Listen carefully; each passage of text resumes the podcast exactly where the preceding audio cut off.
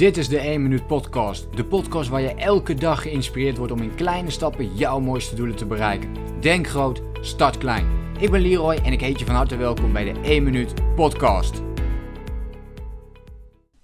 Hoe blijf je doorzetten en volhouden op je doelen? Ik krijg bijvoorbeeld van ondernemers wel eens heel vaak de vraag: ja, ik heb een paar artikelen geschreven, maar ik weet het niet door te zetten. Ik weet niet elke dag die consistentie vasthouden, of elke week of elke maand om elke keer op het vaste moment ook een blog te plaatsen, of een video of een podcast.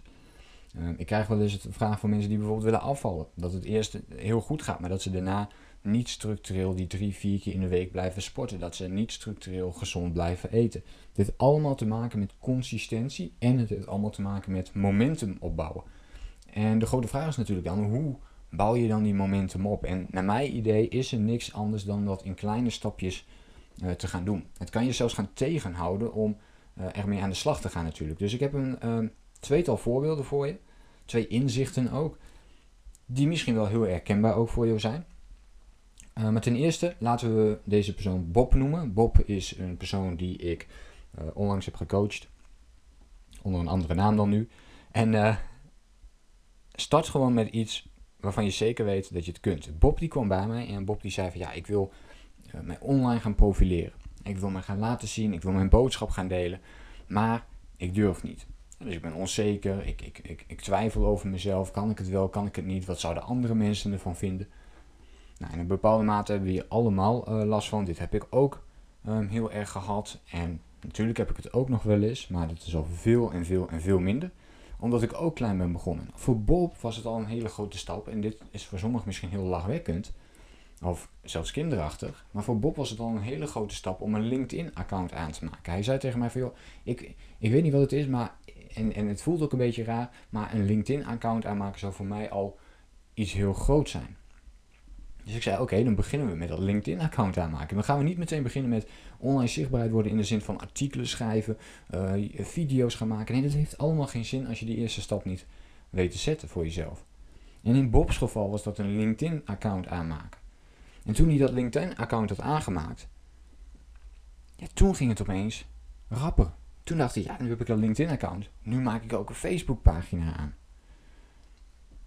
En daarna die zich gaan denken van ja, weet je, nu kan ik ook wel een website gaan bouwen. Nu kan ik ook wel een artikel gaan schrijven.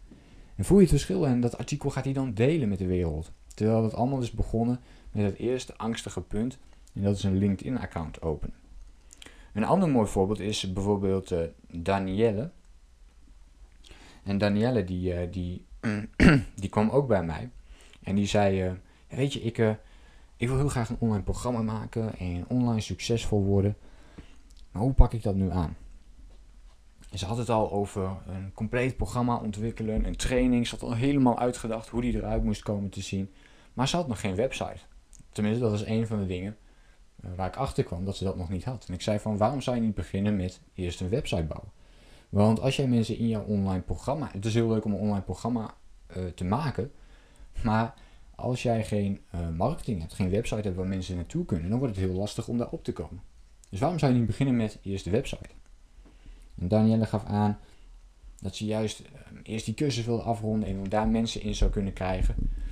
Terwijl ik toen ook heb aangegeven van wat nu als je gaat starten met die website, waardoor er ook automatisch al websitebezoekers naar je website kunnen komen. Want ze had al wat artikelen geschreven, dus zet dan die artikelen ook meteen op de website.